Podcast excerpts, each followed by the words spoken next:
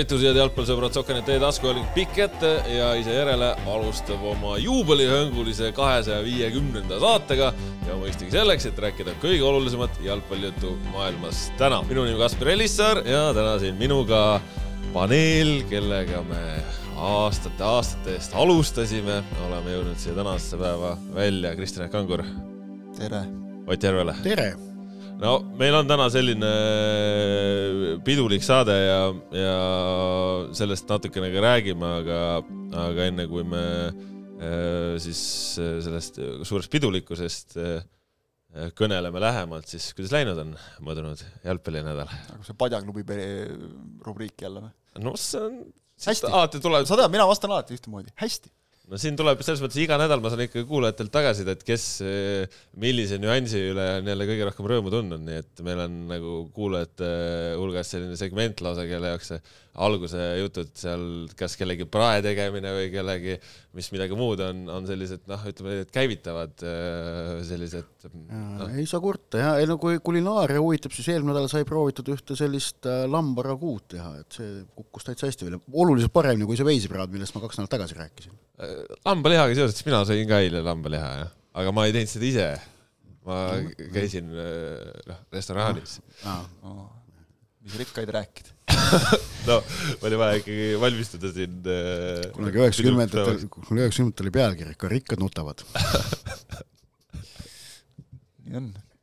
Jürgenson ütleks selle peale kohe, et varsti kolid eramajja ja mis siis veel saab. ah, Jürgensoniga seoses ma võin, võin seda rääkida, et vaatasin siis laupäeval koduaknast välja, enne kui olin teel siis Haapsalusse jalgpalli kommenteerima ja vaatasin, et keegi jookseb tegin akna lahti, maks, kurat. Markus Jürgenson vastab, selle aasta esimene, puhkus on nüüd läbi. nii et no need numbrid on vaja täis saada, mis ta eelmises saates rääkis jälle, et ega nalja ei ole. too päev oli lihtsalt nagu väga kõvasti miinuskraade veel, et Ei, oleks võinud päeva oodata, oleks saanud isegi pehmem, aga karge öeldakse selle kohta, see ongi, tõmbab hingamise lahti ja ei no lihtsalt see ongi, see on, vaat see on näha seda nagu endise jalgpalluri vaimu, et, et ega ta ei saakski tänasel päeval enam jalgpalli mängida, sellepärast kõik käib mingi hallides, soojades, heades tingimustes. ikka vana kooli vend lume peale ja vot see on nagu. nädalavahetusel puutusin kokku, kajastasin ühte juhtumit, kus Austraalia üks äh, korvpallinaiskonna noh, nüüd võib öelda taasliige, aga oli vahepeal kuus aastat tippspordist eemal ja tuli tagasi kodusteks maailmameistrivõistlusteks, mis olid siis äh, vist üle-eelmine sügis ja nüüd neljakümne kahe aastasena pürib olümpiamängudele Pariisi. tegi, tegi, ta tuli kakskümmend, kaks tuhat kakskümmend kaks tuli neljakümne aastasena tagasi kodusel MM-il mängida, võitis pronksi jätkas klubi hooajaga, eelmine kevad tegi Achilleuse, lõhkus ära põhjalikult, kaks operatsiooni, tuli ikka tagasi. Ja nüüd on, sihib Pariisi olümpiamänge neljakümne kahe aastasena. vot, et selles mõttes, see, et Markus Jürgenson nüüd on noh, teist hooaega alustamas niimoodi jõudeelu, ei tähenda, et tema mängud on premium-liigas mängitud. mees ei ole ametlikult karjääri lõpetanud ja ega siis siin võib tulla ma tahaks nagu lahkumismängu näha kas, kas on olnud? aga, aga kes võiks korraldada lahkumismängu, milline osapool? ei no kuule, nii võimekas mees saab ise hakkama oleme ausad. A Le Coq Arena'l üksinda paneb? ei no vaata, sellepärast teebki trenni, jookseb kõik kilomeetrid täis, kõik positsioonid katab ära. ja, ja lõpus teeb penaltiseeria no seda ka. see jääbki kestma, sellepärast et ta ju penaltit mööda ei löö. jah, ja väravahti ka ei ole, vaata et, et jaa, no, ühesõnaga sina jälgisid, sina jälgisid äh, siis profisportlast harjutamas no,? võib öelda küll, et aga no ega seal selles mõttes see kõik läks nii kiirelt, et noh, seal ikkagi vorm oli näha, et ta oli ja siis ta kadus silmapiirile, et ja noh, nagu muinasjutus öeldakse, et kui, kui ta on veel elu ja tervise juures, siis jookseb tänase päevani, et. karta on, et ta jah, jookseb siiamaani väikse ringiga kodust läbi ja läheb aga jälle. ja, jah, nii ta on. kuulge, aga meil täna siis selline ikkagi kahesaja viiekümnes äh, suur saade. see tähendab, et mis me siin juba siis oleme? viis aastat. viis aastat teinud. matemaatika sinnapoole viitab jah nagu.... veebruar kaks tuhat üksteist alustasime. meil neid nädalaid. märts. enne, enne hooaega. siis oli ilmselt, ilmselt veebruaris või märtsi alguses viis aastat. ei no juba, kui sa mõtled, viiskümmend kaks nädalat aastas, vahele on meil jäänud tavaliselt nagu mõned üksikud pühade ajal. suurturniiride ajal, suurturniiride ajal on ka vaata pikemad pausid olnud vahest. jah, ei no tegelikult ongi, tuleb, tuleb kokku ära, aga no tegelikult võtad seda noh, et kui toona, kui me pikk ette ise järele ka alustasime, oli tegemist ikkagi äh, ainsa jalgpallile pühendatud saatega Eesti meediamaastikul. Õhtulehes oli olnud kolmas poolaeg, aga kui ma õigesti mäletan, kaks tuhat üheksateist alguseks ta oli, ta oli nagu tegelikult äh, varjusurmas va, varjusurmas jah, et ta vist vahepeal käis jälle niimoodi, aga tegelikult ta ei olnud enam regulaarne. järjepidev ta ei olnud kindlasti en, enam, on ju. et see oli aastal kaks tuhat üheksateist, viis aastat tagasi olukord. ja, ja noh, olukorra põhjus, miks see niimoodi oli, oli ka, tulenes ilmselt sellest, et ega ähm, vaata, noh, välismaa jalgpallist saab ka rääkida aga lõppkokkuvõttes seal ei ole suurt midagi eksklusiivset, sellepärast et äh, keeled on suus ja, ja inimesed on Euroopas, ehk et äh, kogu selle noh, väga palju sellest, äh, neid mõtteid ja materjale leiab ka mujalt, et kes tahab, leiab selle kõik ka mujalt üles. ja internet on kõigil taskus, et noh, kohe kättesaadav kõik. aga, aga et nüüd, viis aastat hiljem, oleme me olukorras, kus lisaks meie saatele on oma jalgpallisaade olemas Delfil nad on hoidnud seda, noh, vahepeal oli, oli, kui tegid, on ju, Raul Ojasaar, Joel Intermitt ja nüüd teeb, teeb uus seltskond ähm,, on noh, Kuku raadios, mina teen vutikohut seal Andres Vaheriga, on Betsafe'i podcast, mida ikkagi saab nimetada ajakirjanduseks äh, ja, ja tegelikult äh, noh, on, on, on veel mingeid pudinaid siin-seal olnud. ja selle kõige põhjus ikkagi on see, et vahepealse viie aasta jooksul on kodune premium-liiga kõvasti arenenud, väga kõvasti. sellepärast, et kui ei oleks kõneainet, siis neid saateid ka ei oleks. kui see liiga ei tekitaks jutupunkti, ei tekitaks huvi, siis ka neid saateid ei oleks ja neil ei oleks vaatajaid-kuulajaid seal ei oleks ka saatetel tegijaid, kes tahaksid kõigest sellel teemal rääkida. aga, aga tegelikult on Premium-liiga selle viie aasta jooksul suutnud tõusta Eesti ilmselt kõige enam kõneldud ja kajastatud äh, kõrgliigaks, mida ta kaks tuhat kaheksateist, ma julgen öelda, veel ei olnud. Äh, sellepärast, et, et toona oli korvpalli kõrgliiga ikkagi ees aga, aga praegu on just nimelt, et, et ikkagi see põhjalikkus, millega hekseldatakse läbi premium-liiga mängud ja noh, meie saate tuum on premium-liiga. jah, absoluutselt, jah. et, et see põhjalikkus, millega hekseldatakse läbi Eesti spordiajakirjanduses äh, premium-liiga mängud, on ikkagi äh, noh, meenutab natukene äkki seda, mis oli üheksakümnendatel korvpalli kõrgliigal, mida ju toona noh, väga-väga põhjalikult kajastati, mis oli totaalne noh, no mis oli kodumaine noh, selline etalon mm. -hmm nii et, äh, nii et see, ma arvan, on, on siis asi, mis, kui, kui tahta mõelda, mis oli ta, viis aastat tagasi, mis on praegu. see on ka huvitav, selle juures ongi, et noh, sa kirjeldasid ka, et, et tänaseks päevaks neid erinevaid äh, saateid on, on kerkinud nagu seeni pärast vihma, et ütleme, kui, kui mingi periood oli hea lihtne, ei olnud ka endal nagu probleemi, et jõuad kõik ära kuulata, mis tehakse, siis tänasel päeval ongi juba ju noh fännid siin ajavad erinevaid omi asju ja nii edasi, et see on fänniajakirjandus. ja, jah, aga noh, see, aga see on ka tulnud, seda ka siis ei olnud. on ju jah, et aga, aga ongi, et seda kõike nagu ütleme, et jalgpallilist sisu kuulamise mõttes on ka juba nii palju, et isegi mina ei jõua enam kõike kuulata. et kui ma eks võtaks veel seda fänniajakirjandust, siis minu meelest, mis on nagu huvitav, et on okei okay,, on selge, et on eestikeelne tribüün, eks ole, aga et on ju ka mingisugused mitu tükki, isegi minu meelest nagu välismaalaste veetavad pool, noh, poolakatel ei ole küll podcast, eks ole, aga nad kirjutavad sellest, võib-olla ka mingil hetkel teevad, eks ole, ja, ja, ja samamoodi on mingi ingliskeelne meil olemas, eks ole, ma tunnistan ausalt, tõesti, ma ei ole ka jõudnud kuulata, sest ei jõua neid eestikeelseid ära kuulata. aga kui regulaarsed nad on, aga et noh, järelikult minu meelest see näitab ka, et midagi selles premium-liigas on, kui ka nagu välismaalastele, okei okay,, nad on kes mis iganes põhjusel kas Eestisse sattunud või kuidagi Eestiga seotud, eks ole, aga, aga midagi siin nagu tõmbab, et kui täiesti nagu igav ja jura oleks, siis ju ei ei, ei oleks nagu neil ka millestki rääkida ega midagi arutada, et, et tegelikult kogu see maastik on jah, nagu väga meeletult laienenud ja mis tõesti on huvitav, et et, et enamik neid podcast'e või peaaegu kõik on ju suunitlusega noh, lihtsalt jalgpallile aga ei alustata tihti meistrite liigast või millestki, et alustatakse Eesti jalgpallist, Eesti liigast, sest see kõnetab inimesi, vähemalt nende saadete publikut kõige rohkem. no mis, mis on siin, on ju veel selles mõttes äh, äh, huvitav või põnev, et meil on tänasel päeval ka juba ainult naiste jalgpallist rääkiv podcast, meil on eh, klubid on proovinud teha, Flora tegi üks vahe, eh, Leval oli Levak käest, eh, Indrek Peterson toona veel vedas, et selliseid nagu klubisiseseid katsetusi on olnud. jah, ja no, ja no pluss veel doksarjad ka, me võime siin ka videoformaatides ka rääkida. ja, ja noh, tulevik ju omal ajal, koroona ajal tegi ka kõvasti mingisuguseid intervjuu asju ja nii edasi et, et jaa, aga, aga noh, vaatamegi ka see, et, et, et me näeme ka noh, Sokkernetist väljaspool, et kuidas ikkagi Eesti kõrgliiga kajastamine on muutunud äh, suurtes meediaportaalides äh, oluliselt kandvamaks osaks nende tööst. et noh, näiteks see, mida Delfi tegi läbi eelmise hooaja minu meelest. eelmisel aastal hakkasid, jah? hakkasid tegema see iga esmaspäevane, mis oli seitse pidepunkti või seitse küsimust, mis nad tegid seitse, no igatahes no, seitse mingit asja. ja iga, iga esmaspäevane kokkuvõte tegelikult Premium-liiga nädalavahetuse voorust.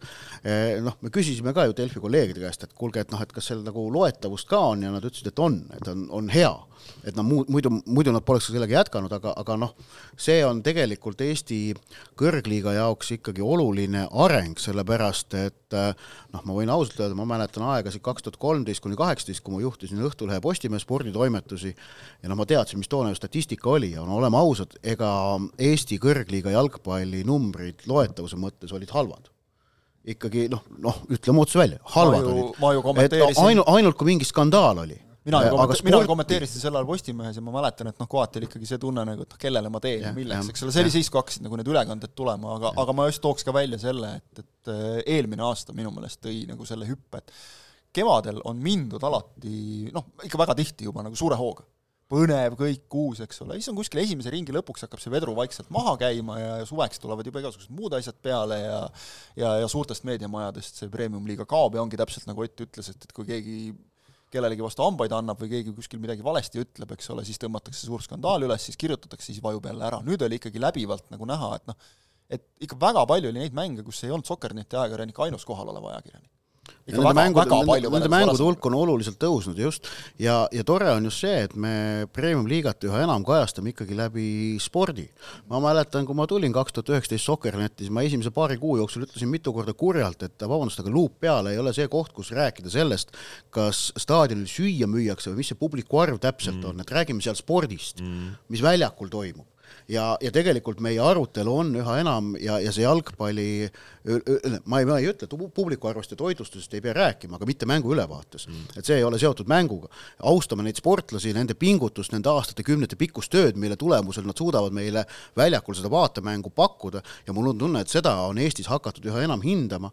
no oleme äh,, oleme ausad, et sa lähed nagu selliste teemade peale ka siis, kui sul on viieteistkümnendaks minutiks soosik kolm-null ees, eks ole, et, et selliseid noh, see, see oli ka osalt üks põhjus, miks nii võis juhtuda teinekord, siis hakkad vägisi otsima ja siis leiad, et vot näed, kellelgi oli võileib külm, eks ole. et aga liiga, liiga on väga palju ühtlasemaks või õlusoe, eks ole, et loomulikult see, see käib käsikäes nüüd sellega, eks ole, tõesti, liiga on läinud üht, ühtlasemaks, aga kui me nüüd vaatame seda lõppenud hooaega mitmekesisemaks ka. mitmekesisemaks, just, just., ja kui me vaatame lõppenud hooaega, ega kaks esimest olid eest ära ikka samamoodi ja, nagu varem, rohkemgi veel, eks. aga me näeme premium-liiga sees äh, stiilide põkkumisi, me näeme filosoofiate põkkumisi.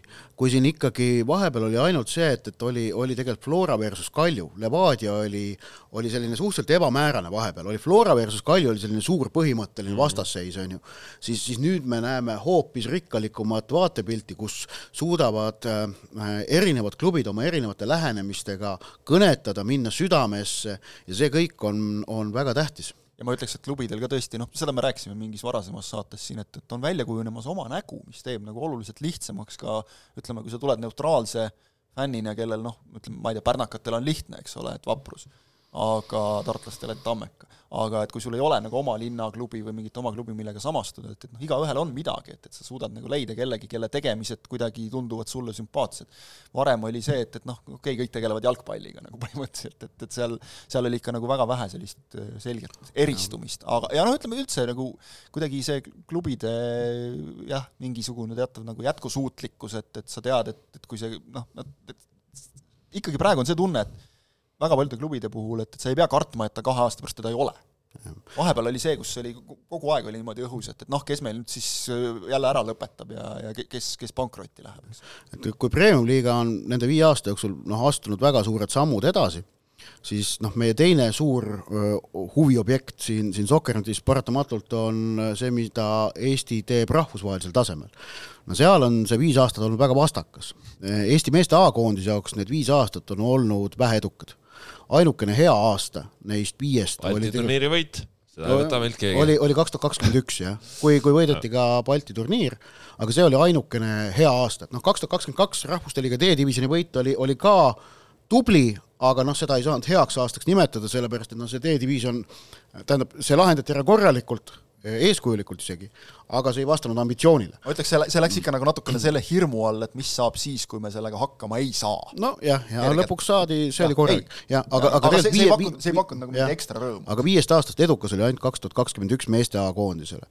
Äh, noh, ei saa rääkida, et meil, meil noortekoondised on saavutanud mingit pistelist edu, äh, naiste A-koondis, noh, ei saa öelda, et selle aja jooksul mingit arvestatavat edu, edu oleks saavutanud äh, siis äh, noh, saalijalgpall on Euroopa üks kõige nõrgemaid meil, rannajalgpall on tubli, aga noh, ja ta kõnetab ka natukene rohkem kui saalijalgpall ja noh, seal on vist see vahe ka, et, et kui meil rannajalgpallis mängitakse rannajalgpalli, siis saalijalgpallis seda õiget saalijalgpalli meil vist väga ei mängita, ma olen aru saanud, kuigi loodetakse seda asja parandada. ehk no, siis futsali nagu, meil mängitakse saalis jalgpalli, aga see on natuke kaugel sellest futsalist, mida mängib no, nagu ma, ma olen aru saanud küll jah, mul endal jah, on saalijalgpalliga keeruline suhestuda, see mulle ei meeldi. rannajalgpall, noh, seal nagu ma saan aru, mida tehakse. aga noh, tegelikult mõlemad, nii rannajalgpall kui saalijalgpall, nad on ikkagi noh, väga väiksed nišid, on ju. et, et kui me rahvusvahelisest tasemest räägime, siis tegelikult hinnanguid ei anta ka noortekoondis koondiste järgi niivõrd väga, seal lihtsalt aeg-ajalt loetakse neid seeriaid kokku, noh, mis on sageli õnnetud, aga see on, ma usun, väikeriikide puhul minu meelest ongi see paratamatu, et seal on keerulisem. et me vaatame ikkagi Eesti klubide toimetamist eurosarjas ja, ja, ja siis koond- ja meeste A-koondist on ju. no meeste A-koondisel viiest aastast üks edukas, klubidel eurosarjas on olnud, tegelikult me võime öelda, et Kaks. neist neist viiest isegi neli on olnud need, mis on Nii pakkunud rõõmu. Flora kaks tuhat üheksateist ju olid need Frankfurti mängud. olid no.. see, ja see läks, toona läks positiivsena kirja no,. kaks tuhat kakskümmend Flora jõudis äh, play-off'i ringi, tegelikult ühe võiduga kaugusele alagrupist. kaks tuhat kakskümmend üks jõuti alagruppi ja kaks tuhat kakskümmend kaks tegi Paide oma mm. asja. ehk et äh, rahvusvahelisel tasemel klubid, neist on tänavu oli, või noh, kaks tuhat kakskümmend kolm, see oli noh, masendav, aga muidu on igal aastal mingi selline ikkagi mingi suure rõõmuallikas olnud. seda küll seda küll.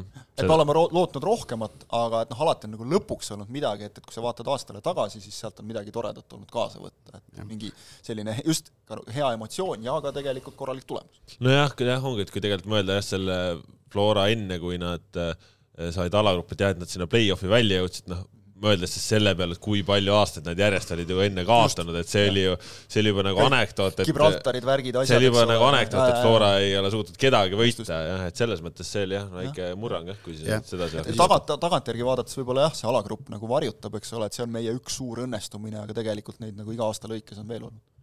ja siis kaks tuhat kakskümmend üks keskel tuli Ragnar Klavan Kaljarist tagasi Paidesse et, et ja siis ütleme, see üks tasand, mis veel on, siis et alati on Eesti jalgpallurid välisklubides ja seal on siis nüüd see, et, et pärast Klaavani naasmist äh, Kaljarist noh, meil uut läbimurret top viis liigasse üheltki mängijalt pole olnud. me loodame, et äkki sel aastal juba juhtub, kui Karl Mets ja St Pauli võivad tõusta Bundesligasse. meil üks mängija on top viis liigas, isegi ta võib top üks liigas, aga ta on seal varumängija. ja no Karl Jakob Hein jah, aga ta ei, ta ei mängi, tõsi, jah, ta on, rõhutan, sellega ma olen täiesti nõus, tuleb öelda, et Karl Jakob Hein on Arsenali meeskonna liige, et selles, seda siin unustatakse meil sageli ära ja, ja mingid tegelased no, täisväärtuslik liige. mingid, mingid, mingid jalgpallikauged tegelased kuskil kirjutavad ja teatavad, et ta peaks sealt kiiremas korras ära minema Arsenalist, et, et noh, jah, see selleks.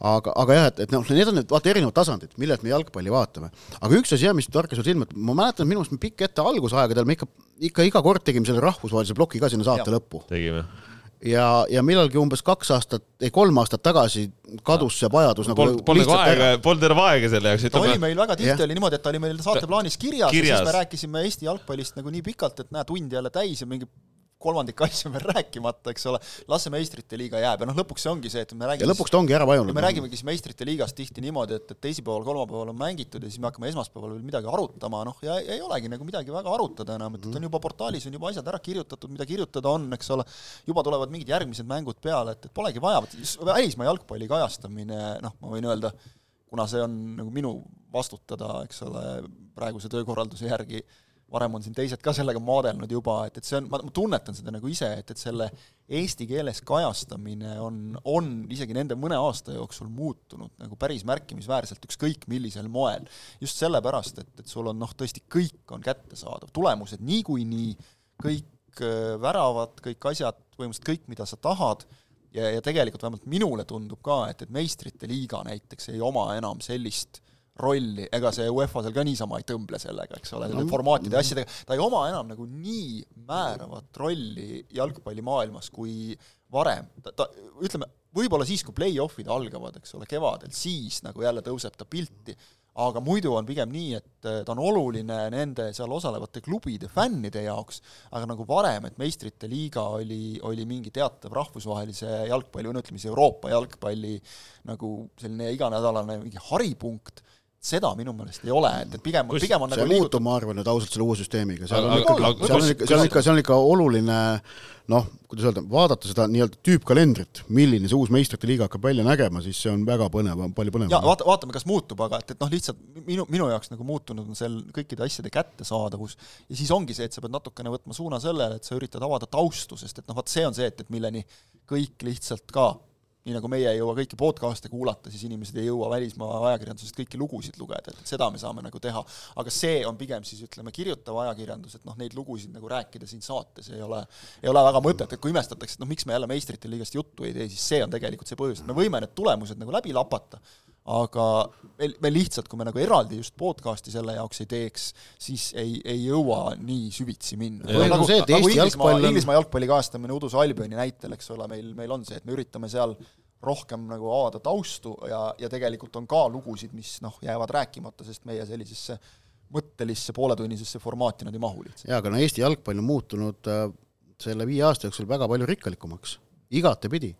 Ja, ja see on ka põhjus, miks meil noh, mi-, miks see pikk ette on seal viie aasta jooksul natukene muutunud, aga selles, et see Eesti jalgpall on muutunud rikkalikumaks ja et selle kajastamine on muutunud äh, ikkagi äh, noh, asjatundlikumaks ja laiapõhjalisemaks, siis ma usun, et selles on ka Sokkernetil oma väike roll ma just tahtsin öelda, et tõesti ei saa nagu mööda vaadata, et et, et noh, eks me oleme seda ju väga teadlikult äh, pildis hoidnud ja sellele rõhku pannud ja selles mõttes ongi, et noh, tol ajal, kui teie veel äh, töötasite teistes äh, meediamajades ja, ja noh, seal Eesti jalgpall ei huvitanud, siis Sokkernetis on Eesti jalgpall alati inimesi huvitanud, et võib-olla üks väike aga, aga nüüd, nüüd ongi nagu see, et ta ei ole enam Eesti jalgpall, ei ole enam Eesti spordimaastikul nišš, mis ta oli, Üks- mis ta oli varem, vaid nüüd ta on Jah. nagu, hakkab väike- nagu laiatarbekaubaks muutuma. ja üks, üks väike oluline tahk minu meelest on see ka, et äh, kui sa nüüd mainid seda, ütleme siis sellist noh, kuue-seitsme aasta tagust aega, siis äh, suurtele meediamajadele võrreldes praegusega oli väga-väga palju tähtsam puhtalt üks asi, klikk. ja Eesti jalgpalliga, kui täpselt, kui ei ole skandaali, see muide suurusjärgud erinevad, aga selle võib üle kanda ka muu maailma sporti, loetakse ikka, mis meil müüvad. surm, seks, skandaalid Postimehest näed? kõik niisugused asjad. noh, ütleme, Postimees on nüüd läinud tagasi, eks ole, selle juurde, nende valik ei, ei ole nagu meie kritiseerida, aga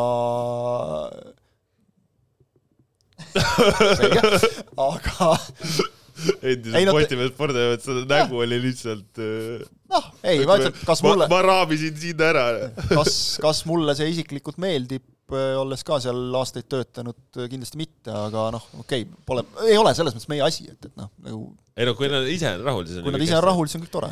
Aga, aga ma ütlen, seal et tuleb öelda, et seal on, küsimus on selles, milline on juhtkonna tellimus. jah, täpselt ei ongi, et kui sa täidad- täidad seda, mida sult nõutakse, toona oli oli iga, kõikides meediamajades tellimus oli väga selge, oli see, et, et klikke peab olema. mis paratamatult ei jätnud võimalust minna süvitsi, asi, mida Sokernet tollal, eks ole, sai Eesti jalgpalliga teha, see neid nagu eristas, nüüd on ikkagi rohkem juba see, et, et üritatakse inimesi köita lugudega jah, sest tahetakse tellimusi. Tahetakse tellimusi, ükskõik mis see põhjus on, aga mulle nagu suund kui selline meeldib jah, et äh, see ikkagi aitab nagu minna asjades süvitsi, et, et oluline ei ole, et, et sa lihtsalt toodaksid ühikuid, vaid oluline on see, et need ühikud oleksid ka huvitavad. ja huvitavat viieteist minutiga on väga raske kirjutada, kui sulle öeldakse, et sa pead tunnis tegema neli uudist, see on absoluutne, kolm on absoluutne miinimum ja pigem võiks olla viis, eks ole. Arvutage nüüd ise, kui kaua läheb ühe asja kokku, lühikese teksti kokku kirjutamiseks ja on selge, et seda ei olegi, ei olegi võimalik süvitsi minna asjadega. praegu on seda rohkem, ma arvan, kõik need asjad kokku panna, siis, siis saamegi selle, et miks on, miks on ka muudes meediamajades rohkem, rohkem tähelepanu ja endiselt, kui see liiga oleks igav ja nüri, seal ei oleks lugusid, siis neid pastakast välja ka ei ime, see on ka täiesti selge.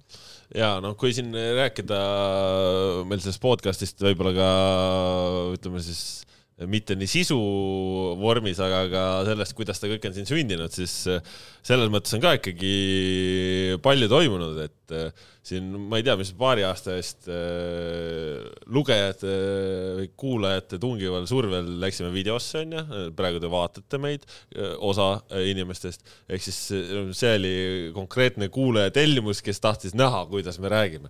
no tegime ära see on selline... ma küll ei saa aru, miks keegi peaks tahtma midagi nii kole, kole, midagi nii koledat vaadata. aga tahetakse, noh, selles on, selles on äh, midagi erilist äh, osa inimeste jaoks. et, et noh, ütleme, et ongi tänasel päeval see on nagu see, see siin... viitab nagu sellele, et see on nüüd see, et nagu nii, vot on mingid teatud kategooria netis nagu mingid videod, mis on nagu nii hull, et juba on hea või? võib-olla jah, aga noh, täna me oleme siin niimoodi ilusti kahe laua taga, meil on siin sogeneti kirjadega lauake, mikrofonid laua peal. Äh, niimoodi mina istun siin ja saan nagu keskenduda ja rääkida teiega ja, ja siis teeme ära ja noh, siis nagu ongi juba peaaegu tehtud, aga, aga kui me toona tegema hakkasime, siis noh, me olime ikka nagu väga improviseeritud stuudiotes. stuudiotes no,? meil see... oli, oota, oleme nüüd täpsed, meil oli tuba, seal oli. meil on erinevaid tubasid. seal oli minu meelest noh, me tegime alustasime diivani peal. me alustasime nii-öelda kõrvaltoas äh,, ah, jah, õige, alustasime alustasime diivani peal, sohva peal. peenelt nagu loožis, siis saime, siis saime mingil hetkel aru, et äh, poole podcasti pealt uinuv äh, podcasti osaline ei ole võib-olla kõige parem lahendus. diivanid olid tõesti väga pehmed. jõle mugavad olid, jõle mugavad olid. ja, ja noh, siis nagu leidsime, et okei okay,, et et võib-olla peaks nagu kuidagi, ma ei mäleta, mingid olmepõhjused olid ka. seal oli nagu olmelised probleemid. kolisime nagu tagasi, ütleme siis jah, sellistesse askeetlikumatesse tingimustesse ikka jõuliselt askeetlikesse. peaksid, no seal oli, meil oli, meil oli tuba, siis meil oli kolm lauda ja siis meil oli noh, selline hädapärane tehnika, eks ole, mis no, oli siis nagu need raadio sellest ma räägiksin eraldi veel ah,, okay, aga ütleme, et me, toona me ikkagi võitlesime jõuliselt ka selle vastu, et et kuidas istuda nii, et kaja oleks võimalikult väike. Ja me ei räägi siin kallasest, aga me räägime nagu sellest helikajast onju, et et seal oli nagu tükk tegemist ja noh, toona tõesti noh. proovige seda saavutada toas, kus on, sul tõesti on lihtsalt neli seina nagu, et sul nagu üsna väikesed võimalused on selle kaja minimeerimisel. ja noh, toona oligi noh, mingid eh, rinnamikrid juhtmetega jooksevad ja, ja no mis iga salvestus oli, oli juhtme noh, et pange sinna see sõna Just. ja, ja no ükskõik vahet pole, me võisime neid juhtmeid vahetada, me võisime neid. seda siit praegu lahti keerata ei tohi, jah? ei tohi, jah? ei, praegu ei tee, jah et vahet pole, me võtsime uued juhtmed, vanad juhtmed äh, erinevatesse, kuhu, oli... kuhu need alati. meil olid, eks ole, lisaks olid meil need raadiomikrid lihtsalt, äh, seal oli, pidevalt oli see, et, et kas Staatiline. sa akusid kontrollisid või no,? jälle sai kellelgi see oli, see oli, see oli upgrade, kui me läksime juhtme pealt üle, läksime äh, nii-öelda ah, üle, üle õhu levivatele. aga mul tuleb praegu see Crazy raadio või selle tujuriku sketš meelde, et see raadioteel nüüd aga no see oli, see oli see staatiline. ei, see hoopis see staatiline oli no nii jälg, see oli kogu aeg ma pidin tegelema sellega, sest no mina salvestasin toona nagu äh, kogu seda heli ise ka. Ja no ütleme, tollal, tollal oli hea, et, et meil pilti ei olnud, sellepärast et põhiliselt jah, nagu noh, Kaspari nägu väljendas lihtsalt ütleme, ütleme siis otse maakeeli nagu roppused erinevates variatsioonides, mida tuleb siis väljendada hääletult samas. sest et noh, kogu aeg sa näed, et kogu aeg on midagi valesti, mingi jama, mingid juhtmed, midagi siukest, tõstad seda, sätid niipidi, naapidi et, et õudne keemia. ja, ja, ja siis oligi, siis saime tehtud ja siis algas äh, veel vana hea monteerimise periood, mis jumal tänatud, tänasel päeval teevad teised inimesed. Äh, et no oligi. eraldi inimene selleks tööle võetud nüüd, võib öelda et, et toona ongi siis ise seal lõikad ja üritad nendest veel pininatest lahti saada ja noh, see oli no ikka julm kangutamine, et selles mõttes noh, täna siin prožektorid paistavad näkku, uhke särk, sain, sain pintsaku selga panna piduliku saate puhul, et ei, oli, oli põnev jah, ütleme, et seal oli ikka noh, see oli ka, et me ju omavahel vaata arutame neid teemasid noh, niikuinii juba igapäevaselt nädala jooksul tihtipeale, mis saatest läbi käivad, siis veel enne saadet. praegu on nagu ikkagi väga selge, et kui me tuleme siia stuudiosse, siis paneme noh, okei okay,, nüüd enda ebaprofessionaalsusest on alati vaata piinlik rääkida nagu tagasi vaadates natukene, aga nii ta oli, et praegu on ikkagi see, et kui nagu tuled põlevad ja kaamera käib, et noh, siis teeme vahel edukamalt, vahel vähem, aga enamasti saame nagu ikka pärast stuudiosse astumist nagu asja käima, eks ole. vahel läheb laadaks ikka enne, aga, aga noh, teeme ära. aga siis oli see, et keegi oli telefonis. tegelikult oli kaks keegi, podcast'i. keegi tukkus. üks oli see, mis oli enne saadet ja siis teine oli see, mis eetrisse läks põhimõtteliselt jah, aga nii oligi, et me teinekord ikkagi kogunesime varmalt kell üheksa ja siis kell neli juba hakkasime salvestama isegi. ja, ja siis seal, seal oligi tegelikult ja. see jutt ka, et ühel hetkel me ka rääkisime, et peaks hakkama salvestama seda, mis nagu mis on see nagu podcast, eelne podcast, on ju. jumal tänatud, et ei hakanud. seda ei saa eetrisse lasta ikkagi, siis on, kõik on neid, tänapäeval eriti, siis on kõik on solvunud pärast. aga, aga lihtsalt see, et ma tunnistan nagu ausalt ka, et noh, endalgi, kui sa nagu saad ennast seal toolil tunda nagu mugavalt, sõber kõrval räägib juba, ma ei tea, seitsmendat minutit seda juttu, mida noh, tegelikult on nädalas juba kaks korda nädala jooksul räägitud, eks ole, see tuleb nüüd ära rääkida ka kuulajale.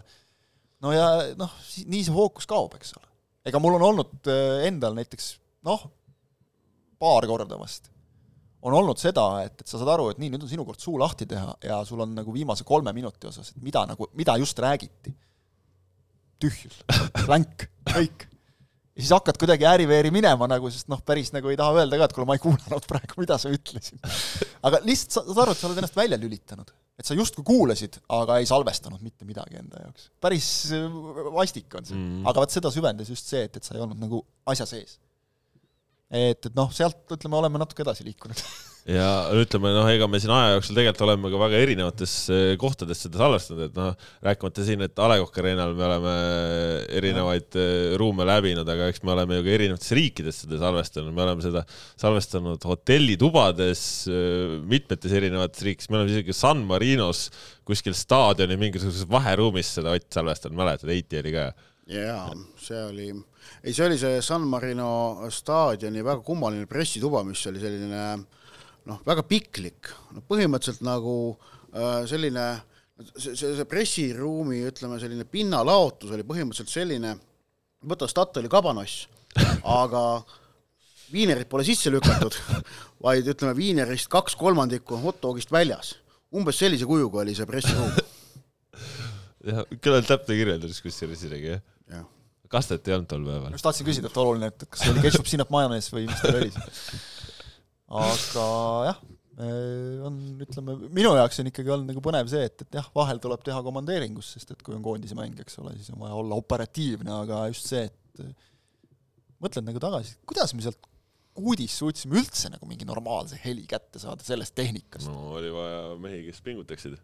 ei no, pingutada ju võid, käte peal ka käia, aga kui ikka noh, kus ei ole, sealt surm ka ei võta no,, nagu öeldakse. see, see, see nagu tehniline pool, see taustatöö, noh, mis, mis taustal on toimunud, see on nagu jah, noh, selge see, et see on nagu muutunud selle aja jooksul, ikkagi kõige suurem muutus on olnud Premium-liiga ise, see, see meie saate põhiline teema. meil on, millest rääkida. et see, see viimased viis aastat on Premium-liigale olnud väga metsingu, metsiku arenguaeg ning noh, see areng on olnud nii organisatoorne kui ka sportlik ja, ja meil on äh, see, see, see liiga pakub äh, iganädalaselt äh, sportlikku intriigi, mitte, mitte seda muud, mis on noh, platsivälist on ka ja, ja skandaale on ka, nagu iga suure jal-, võistlusega kaasas käib, aga ennekõike ta pakub nagu sportlikke põhjuseid ja sportlikke narratiive, millest on võimalik huvitavalt rääkida.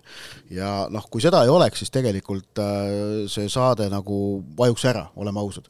me võime, võiksime siin mõelda ja pingutada ja, ja mis iganes, aga kui see sport, mida me kajastame, pole tasemel, siis tegelikult ei ole sellel saatel ka väga mõtet. ma ei mäleta, millal oli viimati selline hetk ja toona oli neid momente ikka omajagu.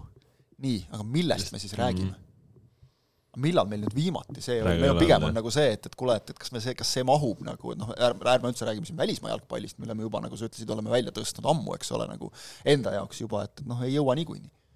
aga Eesti jalgpallist, on see siis premium-liiga, on see koondis, mis iga, noh, nii palju tahke on. isegi praegu, kus ei mängita ei toimu midagi, jah. kus tegelikult nagu noh, ei tohiks olla millestki rääkida, mis on alati olnudki niisugune keeruline aeg.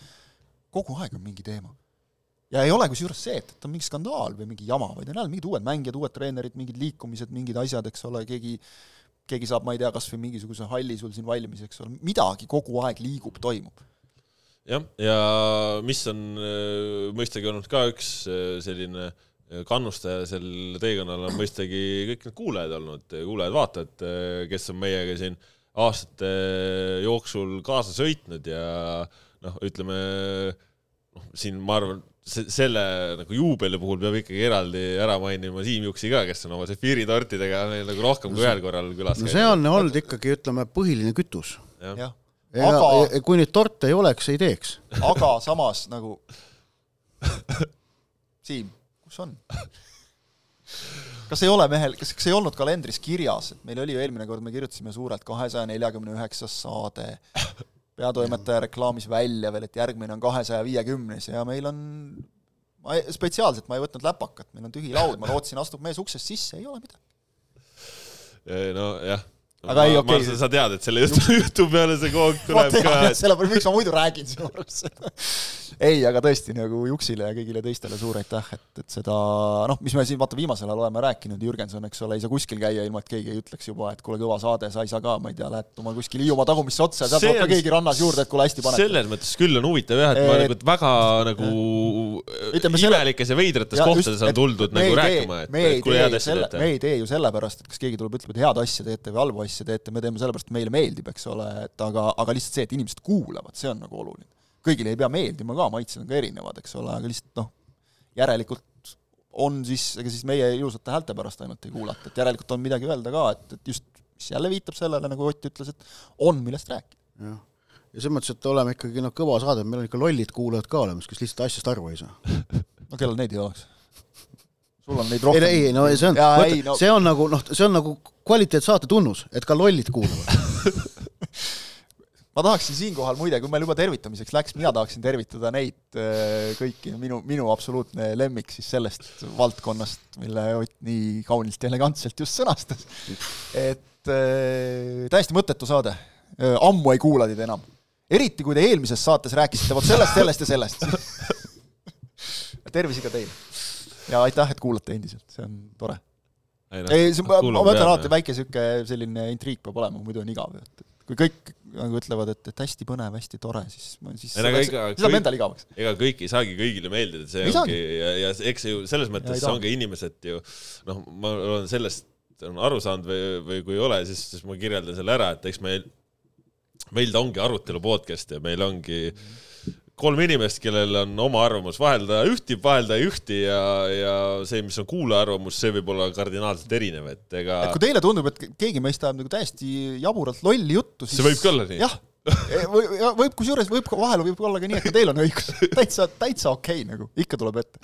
ja noh, just see, et ta on arvamussaade, et me siin mingit absoluutset tõde nagu sellele me ei kuigi fakte on meil ka ikkagi esineb, esineb palju. fakte esineb palju ja, ja kuigi noh, tege-, tegelikult ikkagi enamasti on nii, et see, mida meie räägime, see on kõige targem jutt.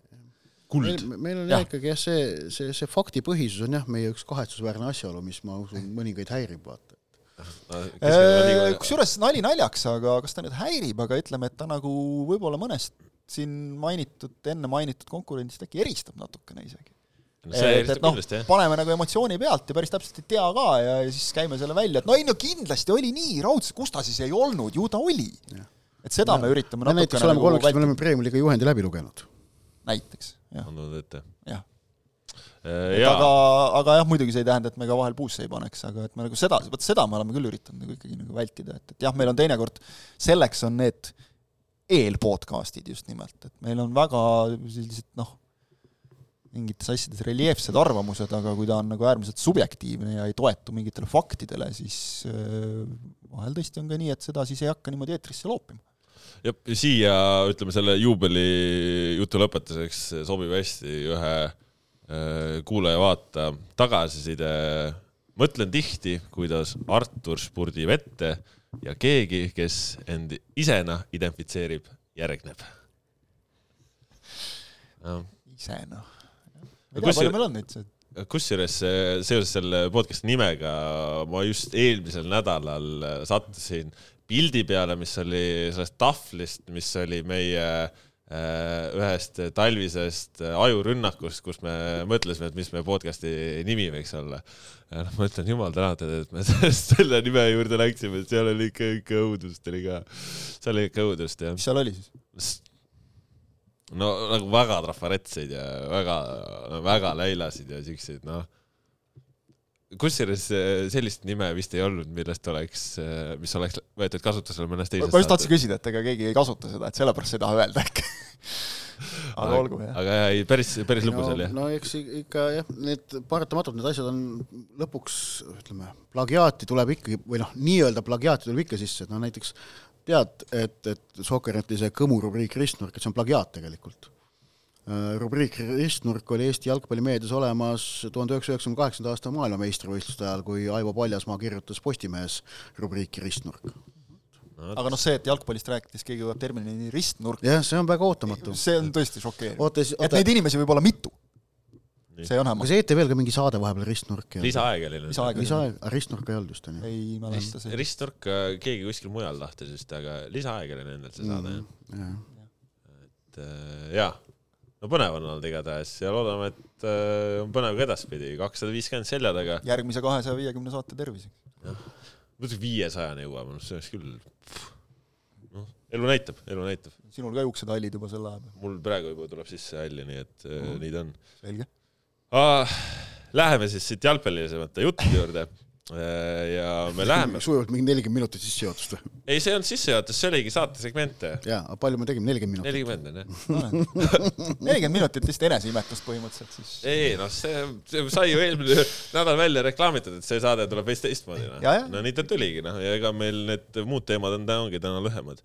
aga vot rahvusvaheline jalgpall, siit ta tuleb, ütleme vanaaegade mälestuseks, vanade aegade mälestuseks ja läheme rahvusvahelise jalgpalli juurde ja, ja meil käis see endal ka laualt läbi ja, aga ma vormistan ta siis äh, kuulaja küsimusena, sellepärast et tuli ka kuulajalt. mis sa arvad, et Messi võitis FIFA parima jalgpalluri tiitli samal ajal, kui Haaland on võitnud kõik?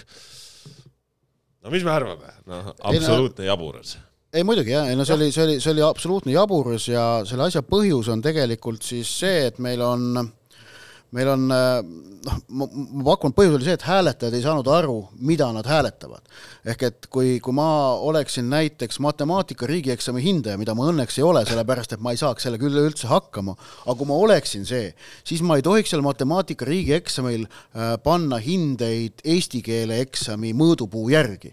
põhimõtteliselt et kas on ilusti kirjutatud numbrid? jaa, no ma kirjatehnikat seal ei nagu otseselt ei hinda või, või, või seda, et kas nagu on arvutus on teemasse, vaata, noh, kirjeldab teemasse noh, ma ei tea, võimalikult jaburad paralleelid, aga no, no umbes niimoodi oli. tegelikult on seis see, et, et hindajad ei saanud aru, mida nad hääletasid.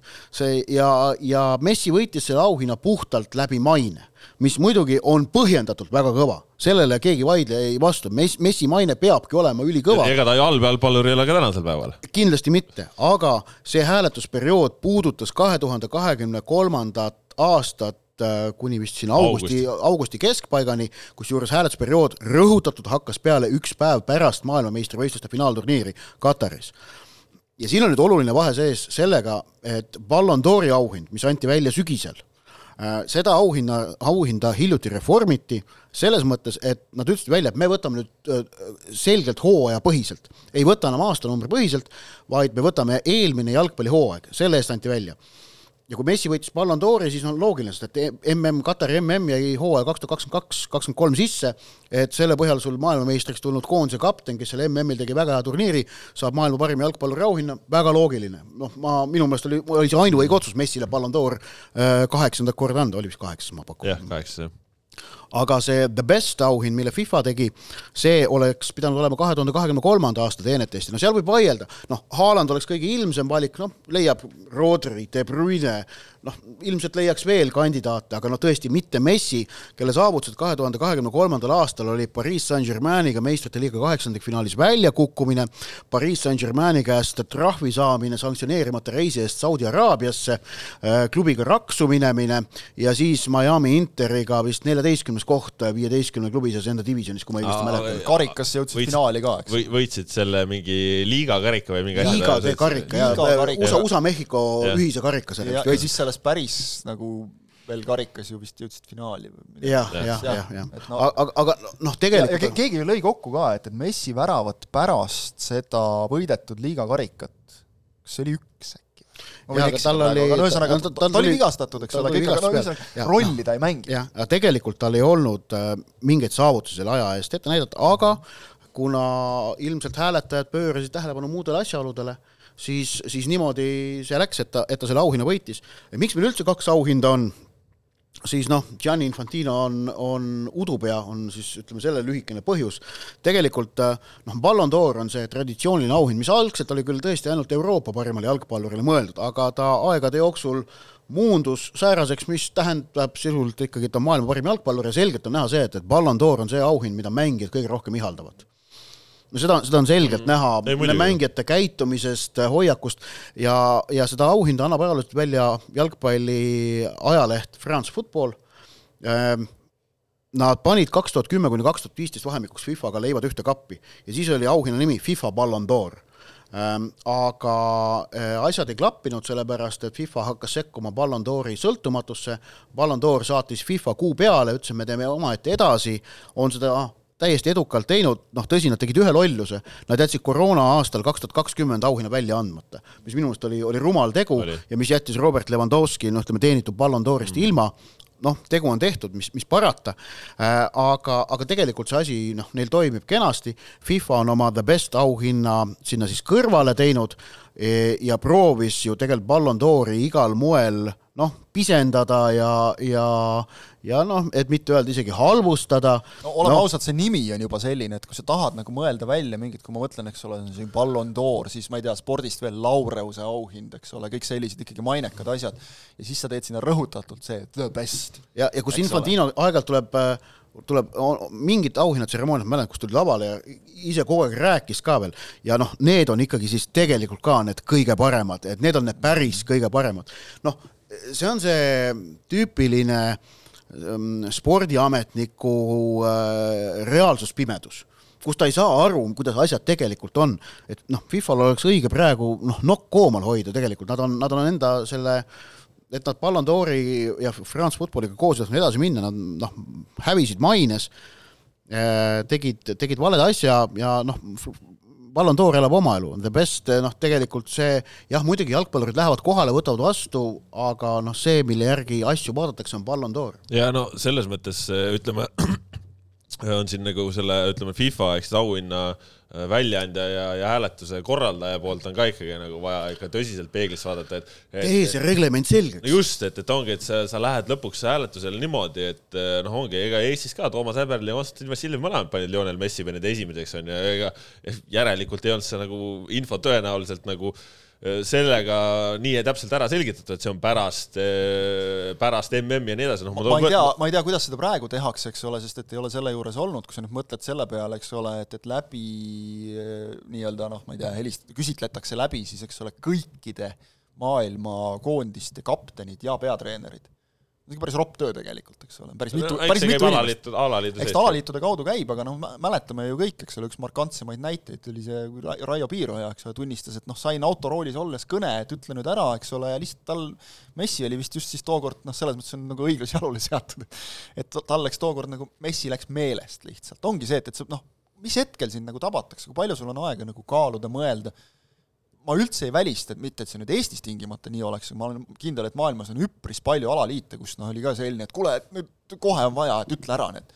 no kui sult küsitakse, et ütle, kes on kõige parem jalgpallur Messi, oota, ja siis kes seal edasi, noh, tulebki niimoodi. ei no nii ta on, jaa. ma arvan, et nii, ma ka-, ma kaht-, kardan ja kahtlustan, et nii see kuidagi ongi läinud ja siis me räägime, eks ole, just sellest, et ikkagi the best ja kõik, aga noh, ma ma, ma toon, ma toon võrdluse, on ju, ma ise osalesin Inglismaa väljaande The Guardiani aasta saja parima jalgpalluri valimisel, on ju seal tuleb mulle väga selge joonis, kus on nagu ja seal tuleb just alati tugevalt üle äh,, üle rõhutatud, see on see kalendriaasta. No, sama, sama jalgpallistatistikute ja, iga, iga mängija kohta on see kenasti saavutused ka välja ja, toodud. ongi, sul ongi, sul on jah, nagu jalgpalli, jalgpallistatistik, statistikute küsitlus samasugune, kus, kus ka millest ise võtsin osa juba mitmendat aastat, eks ole, kus, kus on täpselt samamoodi, on, on shortlist ehk siis see lühinimekiri on antud, esimese hooga vaatad oot-oot-oot, siin ei ole mingit seda meest, seda meest, seda meest ja siis mõtled, et nii, oota, rahu nüüd. Kalendriaasta, mm jääb välja, selge, hakkame sealt minema, ma ei tea, siin kõige lihtsam, esimene, mis pähe tuleb, Maroko väravavaht Bono näiteks, eks ole, väga hea finaalturniir, kas ta aastal kaks tuhat kakskümmend kolm oli nii palju ette näidata, ei olnud, selge, järelikult seetõttu lühi nimekirjas ei ole. ja siis selle järgi hakkad vaatama ja panema, eks ole. on keerulisem, sest et see jookseb, seal ei olnud mitte augustini, eks mm -hmm. ole, vaid siis nagu läbi kalendriaasta. et väga raske on nagu panna niimoodi, mõnel on pool hooaega head, teine pool jälle täiesti halba, kes vahetas klubi, kes, eks ole, on teinud seda, teist, kolmandat, aga mul on vähemalt selge, mille põhjal ma teen seda, see on kohe alguses juhendis selge. ma ei ja. ole kindel, et seal see nii selge oli, et seal oli, ütle maailma viimase aasta kolm paremat jalgpallurit, noh, ja loomulikult siis mõeldakse, muidugi see mm siin nüüd veel selles mõttes segab ka, et ta seal talvel oli, eks ole, et mm. ta eksitab nagu natukene. aga, aga no, ikkagi. nii et ühesõnaga noh, FIFA sai tegelikult mainekahju see, et nad äh, Messi sealt parimaks nimetasid, ma arvan, see, see tegelikult seda the best auhinna tõsiseltvõetavust vähendab Kindlasti. ja see on FIFA jaoks äh, probleem, Ballon d'Or sai praegu, ma arvan, sellest lihtsalt võimu juurde ja tegemata midagi selleks. jah, tegemata ise mitte midagi. nii et ähm, eks siin siis oli selline hea näide sellest, et, äh, et kuidas nagu noh, loll iseendale ämbrtäie sõnnikut kaela valas ja, mina valisin ja see oli siis FIFA, mitte, mitte Messi, ma pean seda lolli asjaks. Ja, ja mina valisin The Guardiani hääletusel äh, möödunud kalendriaasta parimaks Erling Haalandi kõige loogilisem valik ju on, oleme ausad, noh. nagu Ott ütles, et noh, seal, eks ole, kui sa vaatad, City nagu võitis kõik, eks ole, mida võita andis. seal, seal ainukene, ainukene asi, millega nagu Haalandi vastu kaks tuhat kakskümmend kolm saab minna, on argument on see, et äh, Norra koondisega ta noh, ei suutnud midagi teha ja Norra koondis ebaõnnestus no,. vaadates sa, kõik rekordid, mis ta Premier League'is teeb, mis ta meistrite liigas tegi, noh ei, ei noh, see on ei no see on lihtsalt see, et, et see ka... argument ei pea jääma peale, eks ja, ole, aga see on nagu ainuke asi, mida leida võib, eks ole. jah, et noh, et ta koondise jalgpallis ebaõnnestus. aga, aga jah, et noh, ja, ja teine asi nüüd noh, noh, okei okay,, jätame selle jutu mõneks teiseks korraks, et kuivõrd tähtsad need individuaalsed auhinnad on ja kuivõrd tõsiselt neid võetakse, kas neid võetakse liiga tõsiselt? võetakse täpselt ühte, ma arvan, see on Ballon d'Or ja see on kõik nagu selles mõttes, et see on, ta, kuna ta on, tal on nii pikk ajalugu ja, ja ta on ikkagi nagu nii palju noh, ta on sümbol yeah., eks ole. ja, ja sa anti siin veel välja, ütleme viimase asjana just kas nädalavahetusel, ei, eelmisel nädalal millalgi mingi, mingit Globe Socceri auhinda ka, millest ma väga täpselt aru ei saanudki, et kes, mis see oli, et seal valitaksegi mingit parimat jalgpalliagenti ja et noh, seal oli nagu esimesed viis aastat võitis selle Jorge Mendes, sest noh, oli nagu variant, et Mendes, Raiola, Mendes, Raiola, et, et siis sai Raiola jälle mingil hetkel, et noh, nagu ka natuke siuksed, et igasuguseid asju võib valida, siis ta on nagu see Levanovski lohutusauhind, mille ta sai, eks ole, aasta hiljem, et mis ta oli siis parim ründaja, eks ole, et siis no ilmselgelt nagu selline nagu au-Oskar, eks ole, et kuule, et see pole ühtegi saanud, aga oleks väärinud, anname talle selle siis no nii ta on. et neid au, au, selliseid võib igasuguseid teha, eks ole. kui sa ei ole ühtegi saanud, siis sa tegelikult ei vääri ka, selles mõttes see on võistluse nagu mõte, et, et ja, sa ja, sellel konkreetsel ajahetkel oled vastamisi selle, ei, see on nüüd te, ühe teise parimate valimisega seotud, see on just, Eesti spordiaasta parimate valimised. praegu siit äh, just. selle pealt las, las ta jääb, et äh, nagu ma ütlesin, meie leib on Eesti jalgpall, et räägime sellest ka natukene. jaa, aga täpselt lõppsõna oleks nagu see, et, et igasugused need parimate valimised, need lõppude lõpuks me võrdleme võrreldamatuid asju ja kui keegi valis teistmoodi siis enamasti on see okei okay,, aga et kui see kukub välja noh, nagu nii lollisti nagu praegu, et ilmselgelt nagu tõlgendati, noh, on täiesti selge, et tõlgendati nagu valesti valimisperioodi, siis on see ikkagi korraldajate viga. Jah, äh, eelmisel nädalal läks siis äh, käima suurejooneline Liivimaa talliliiga, mis algas selles mõttes väga jõuliselt äh, Eesti klubide kasuks Flora alistas oma noortega võõrsil Liepa ja kolm-üks Transpani Tukumsile viis-kaks ja noh, seal ja vaatad, et Eesti klubid, no mis nad nüüd lätlastega teevad, aga siis äh, laupäeval toodi natukene maa peale ka, näitasime Sokkerneti eetris ka, kuidas, äh, kuidas Kuressaare Metaga kohtus, seal üks-kolm kaotas tegelikult.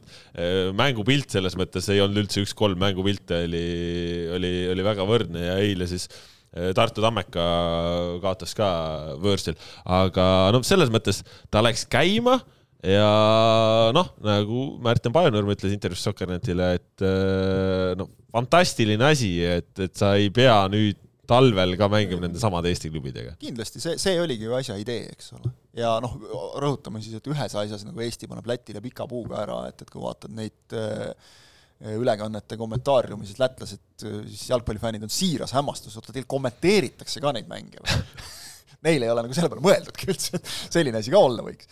aga mm., aga ei, ma ütlen, noh, kui sa nagu vaatad neid ka, et, et nad on ikkagi, ka Lätis on neid korralikke jalgpallihalle noh, ma ütleks nagu omajagu vist, eks ole, et, et noh, tahaks ikka öelda, et meil on paremini.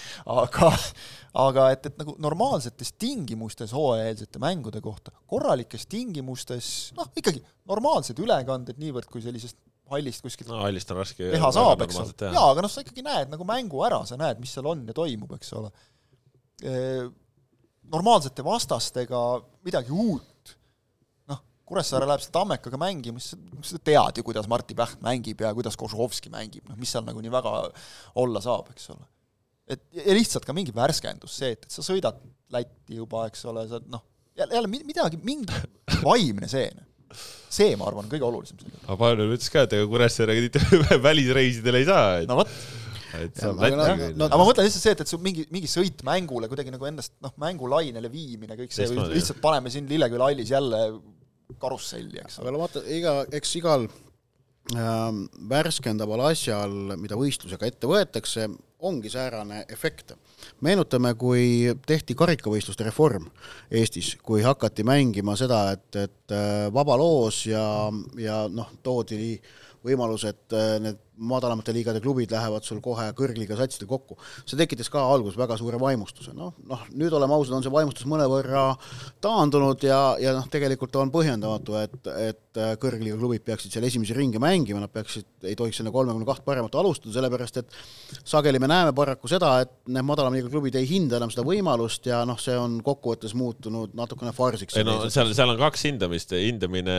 on siis, kui esiteks nad saavad võõrustada seda kõrgliiga Anglia klubi enda kodus, mis on väga suur sündmus ja teine asi, kui nendel oleks võimalik tulla A Le Coq Arena'le, aga kõik siuksed mingisugused muud asjad nädala sees kuskile Narva või Kuressaarde sõita, et see on see, kus nad ei väärtusta. no ja järelikult kokkuvõttes nad ei väärtusta ka seda A Le Coq Arena'le tulemist, sellepärast nad ei saa aru, et see Äh, ei ole mingi garantii, on ju.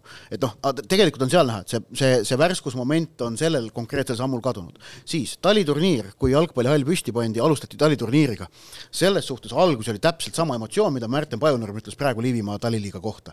see oli ka, et noh, seal oli see, et noh oh,, lõpuks ometi on meil selline asi, et noh, normaalne ettevalmistus talvisel ajal, ei pea enam ise mingit jama kokku leppima, kuskil õues mängima, kenasti korraldatud tsentraalne kalender, kalender, mängud jooksevad, kõik on niivõrd-niivõrd hästi see oli esimene emotsioon, kestis mitu aastat. ja siis hakkas noh, tekkima see küllastumus, et tahaks ikka midagi muud ka ja selles mõttes ma arvan, et Jalgpalliliidul tasub valmis panna, et noh, ilma naljata, et siin mõne aasta perspektiivis tahaks sellist talvist äh, talvist siis treeningmängude kalendrisse hõlmata ka mingil moel regulaarselt, kas siis Lõuna-Soome klubid või, või kuidagi Leedu klubid ilmselt, et tegelikult seda vaheldust natukene rohkem oleks, jah.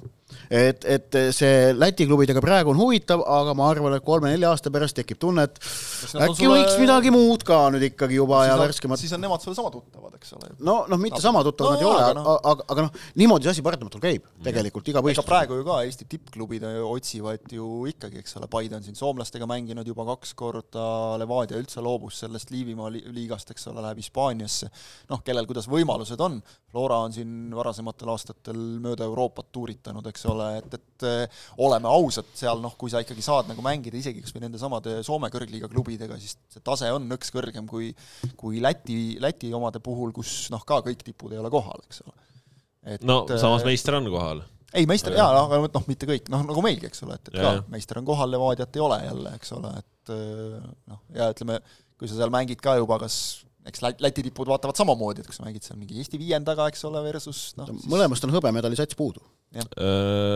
noh, ütleme lätlastel on ka pro-, pronksi sats puudu, Auda on puudu ja ja tegelikult mis mis nüüd juhtus, mis nüüd juhtus, ongi, et sel nädalal inimesed näevad nädalavahetusel Flora ja Valmiera mängu mis Valmieras neljas klubi, mis oli algselt taliliiga mäng, aga kuna Valmiera läheb ka veebruaris, läheb laagrisse, siis kõik need ülejäänud mängud kriips peal, ehk siis ametlikult ta nüüd ei ole taliliiga all, aga noh No mäng oli kokku lepitud üle- mängivad nagu mõned et ülekanne, ülekanne oli kokku lepitud ja jaa. mäng on kokku lepitud. taliliigat äkki siis ikkagi ärme seda nüüd võistlusena võta, onju. No- tegelikult, tegelikult seda ei saa võtta No no,. ta on samavõrd, ta on samavõrd võistlus, ma ütleksin, kui on taliturniir, eks ole, et kus nagu nii-öelda seda arvestust, noh, okei, sa võid seda tabelit pidada, aga noh, ta ei taliturniiri tegelikult reaalselt No ei peeta. taliturniiri ei peeta, jaa, ma ütlen. aga no selle, aga selle Liivimaa taliliigaga nüüd ongi see, et kuna lätlastel on eestlastega siis neli mängu ehk noh, eestlased on olemas, eestlastel on lätlastega kolm mängu,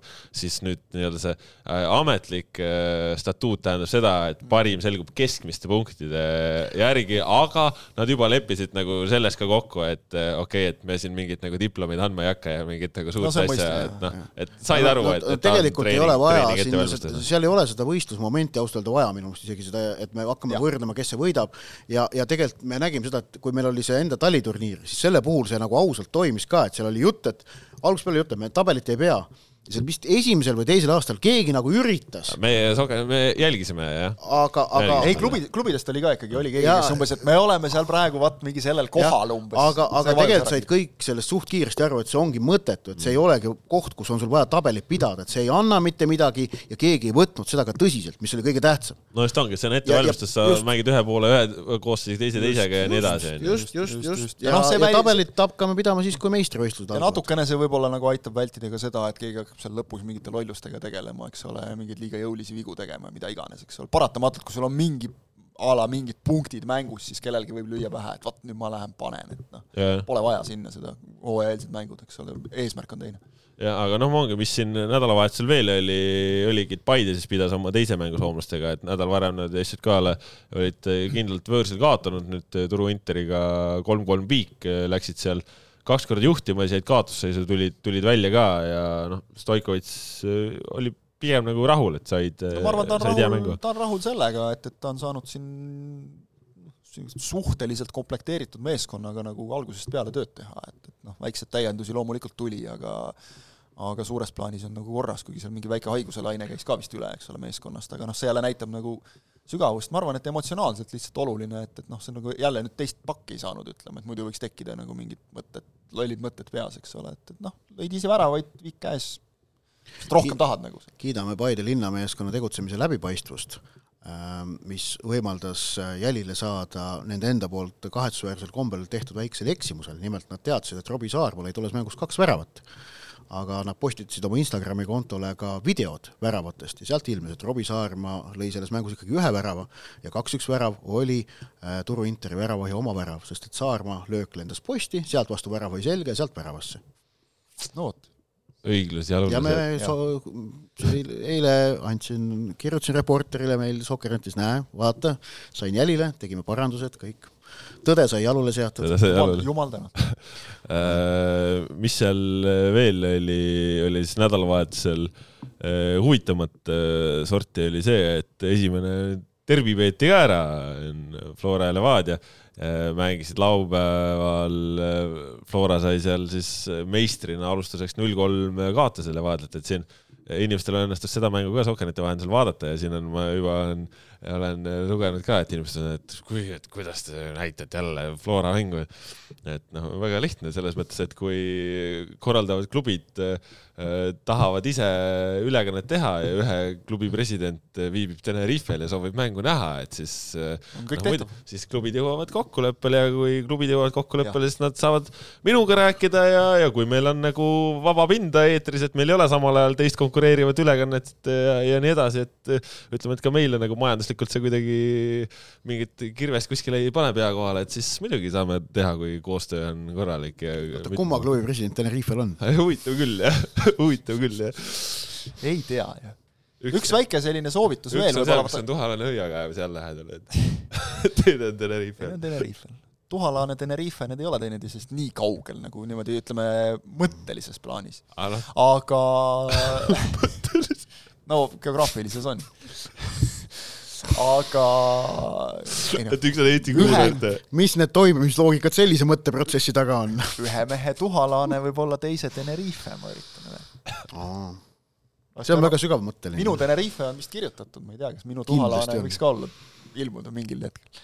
aga okei okay,, möla, mölaks läheb natuke jutt, aga mida muidugi Ainult ainult natukene. natukene, aga et, et šut-šut nagu veel jätkata sellega, siis tahaks ikkagi nagu klubidele südamele ka panna, et kui te teinekord nagu omavahel mängite, siis leppige kokku, kes millises vormis kohale tuleb, et ei oleks nii, et, et äh, on see, pärast on see Spider-mani meem, see, et mõlemad on valges nagu, et mis no saadi lahendatud, aga noh, natukene nagu naljakas see oli, et üks meeskond peab dressi, dressipluusides nagu, et, et eristada, aga noh, jah, okei okay.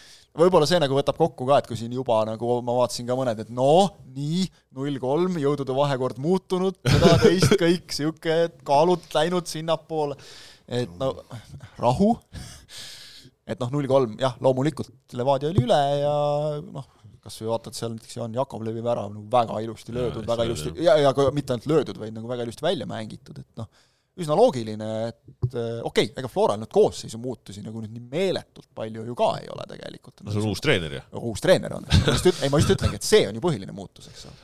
aga et oleks nüüd noh, nagu siin ma ei tea, keerutatud terve, eks ole, võistkond nagu platsilt läbi, samas teisel poolel mängisid ju seal ka, eks ole, juba noored mõlemal palju kui said, eks ole, et, et noh, palju sealt nüüd seda välja lugeda sellest null kolmest konkreetselt, Levadia oli üle, Levadia oli parem, Levadia on tõenäoliselt hetkel nagu paremas seisus, aga noh, hooaja kok-, eel see ei tähenda nagu midagi tegelikult. jaa, aga noh, ütleme ongi Levadia jaoks kindlasti selline äh, moraalile kasulik äh, just, just vaatevinklist, et, et nad mullu jäid Floral alla, onju, nüüd alustad aastat mingisuguse nad alustasid ka ettevalmistust hiljem, onju, nüüd nad lähevad, lähevad äh, õige pea Eestist ära ka, onju, et selles mõttes nagu mingisuguse võidu tu- tunde, tunde said sisse onju ja noh, Flora samal ajal, et oli, kui nad äh, nende väga, väga noorte vendadega võitsid Liepajat onju mm. -hmm. et siis nüüd on ka siuke väike noh, reaalsuskontroll, et, et tegelikult on päris palju vaja tööd teha, mis on Jah. ka nagu hea see on. hea, just täpselt ja ütleme, et noh, võidusoov oli kindlasti mõlemal, aga ma arvan, et tulenevalt eelmise hooaja tulemustest, lõpptulemustest tabelis, Levadial selline võidu, ütleme väike sisemine vajadus oli ehk grammi võrra suurem. jah, ja noh, Levadia puhul s- mainime selle ka ära, et me täna äh, oli üks segment plaanitud saatesse ka, mis räägib natukene võib-olla sellest mängijate turust laiemalt, aga praegu äh, laiemalt seda ei tee, jõuame sellest veel rääkida siin talve jooksul, aga Frank Raske- Liivak tagasi. raske on vaata rääkida neist muudest meestest nagu, eks ole, kelle puhul sa ei tea, kas nad jäävad siia, ei ole kõiki neid saanud korralikult mängudes vaadata. ei, ma pidasin praegu ma tean, jaa, et silmas meil- natuke teist ma mäletan, meil oli asja. natuke teise nurga alt plaanis, aga jõuab seda rääkida veel, et noh, Liivak tagasi, noh, nagu ta ise ütles, et äh, luges oma välismaa pakkumised ette, noh tõesti, kui vaatad neile peale, et, et ega seal nagu midagi sellist äh, ei ole, mis nagu lakke paneks hüppama, võib-olla kui midagi oli sealt Iirimaa kõrgliigast, nagu ta ise ütles, et siis noh, see tundus nagu selline, et vähemalt tuttav koht, aga noh, kunagi sa ei tea, mis su mänguaeg seal kõik on, Levadias ma arvan, tema roll saab olema võrdlemisi kandev, peatreeneriga saab peatreeneri emakeeles rääkida, kindlasti väga positiivne. aga ilma naljata ilmselt on ka natukene, eks ole, et jälle mingi niisugune väike ütleme, usaldust lisav mm. faktor. Eestis liivaku kvaliteeti, noh, me teame, eks ole, Levadias ka teatakse, mis mees ta on, sulandub ta tõenäoliselt sinna, noh, ilmselt ei ole vaja enam rääkida, võib juba rääkida minevikus, sulandus ära juba, kõik on hästi. sõbrad ees ootamas, eks ole, et noh, mängijale kui klubile, ma arvan, igati hea valik ja tahaks taaskord kiita Levadia turundusosakonda suurepärase mängi avalikustamisvideo eest. Premium-liiga kalender tuli ka ju välja ja, ja seal siis on näha, et märtsikuus, kui välja jätta liiga avamäng, mis on reede õhtul nagu nagu noh, tegelikult on pikka aega olnud traditsioon, siis üle mängude algusaeg kaksteist kolmkümmend, neliteist kolmkümmend, ehk et see, mida me siin eelmise aasta märtsis, aprillis rääkisime, et tegelikult on, on nüüd teoks tehtud. et, et mängude algusajad sellel märtsikuul ei ole õht-, ei ole pimedas, mängitakse valges, mis tähendab, et, et noh, võiks olla no, mõnevõrra mõnusam ilm see tehti jah, selles no. mõttes äh, konkreetselt selle eelmise aasta kriitika pealt, et õhtuti see ilmafaktor võis olla, et päike no, võimendub. et võimendas, aga ütleme, et ülekannete poole pealt see ei ole ideaalne, aga, aga no, see on mõistlik, oleme ausad, see on mõistlik samm aga, aga noh, ütleme jah, et sellega ega- et, et kui see varakevad saab läbi, et siis tulevad õhtused mängud ka. kui mujal maailmas vaatad, ega seal ilmselt ka ei ole telejaamad väga õnnelikud, et mängitakse kuskil lõuna ajal, eks ole. Nad tahaks ikka õhtul, et noh, see on normaalne. tahaks. aga, aga jah, ühesõnaga, eks see kalender tuli, ma olen sellega nii tuttav juba, et ma siit ei taha rohkem rääkida. vaata, mis meil on kakskümmend üheksa märts, ma vaatan, see on reede kell neliteist kolmkümmend on mäng jah? Äh, see on püha, mis püha meil on? lihavõtted või? suur reede või mingi siuke asi vist, aa, et äh, sihuke asi. see on, see on püha jah, see on punane päev. halleluuja ütleks ma selle peale ainult. aga, aga ei, kui see varakevad saab läbi, siis tulevad, no üldiselt on rütm sarnane ja mis on ka minu jaoks halvem asi, loodetavasti uuel aastal õnnestub võib-olla natuke parandada seda uuesti, et äh, praegu on, mängud on jälle üksteise otsas. et eelmisel aastal oli, oli väike vahe et oligi ei ole mingit pooletunnist. ja neliteist, kolmkümmend, seitseteist, üheksateist, kolmkümmend on ju, et sul oli kasvõi see, et kui sul on Tallinnas mäng, sa jõuad minna teisele staadionile või sa jõuad minna koju hakata uut mängu vaatama või sa jõuad kodus ühe mängu vaadata ja minna staadionile, et see on jõuad kahe mängu vahel teha problemaatiline, kodus näiteks. Aga no loodetavasti uueks aastaks õnnestub jälle tagasi saada noh, sellist kalendrit nagu teha, eks ole, et kõik rahul oleksid, noh, see on võimatu.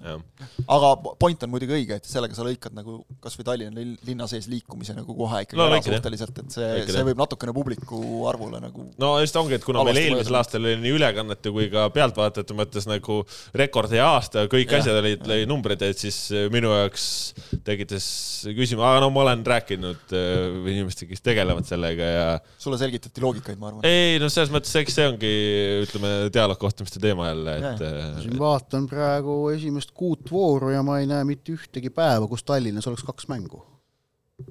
no praegu, ehk et seda probleemi, et ühelt staadionilt teisele jõuad, ei ole. aga see, see on, et sa ütleme kodust vaatad, mis iganes on see on teine asi. et, et see, see jääb ikka.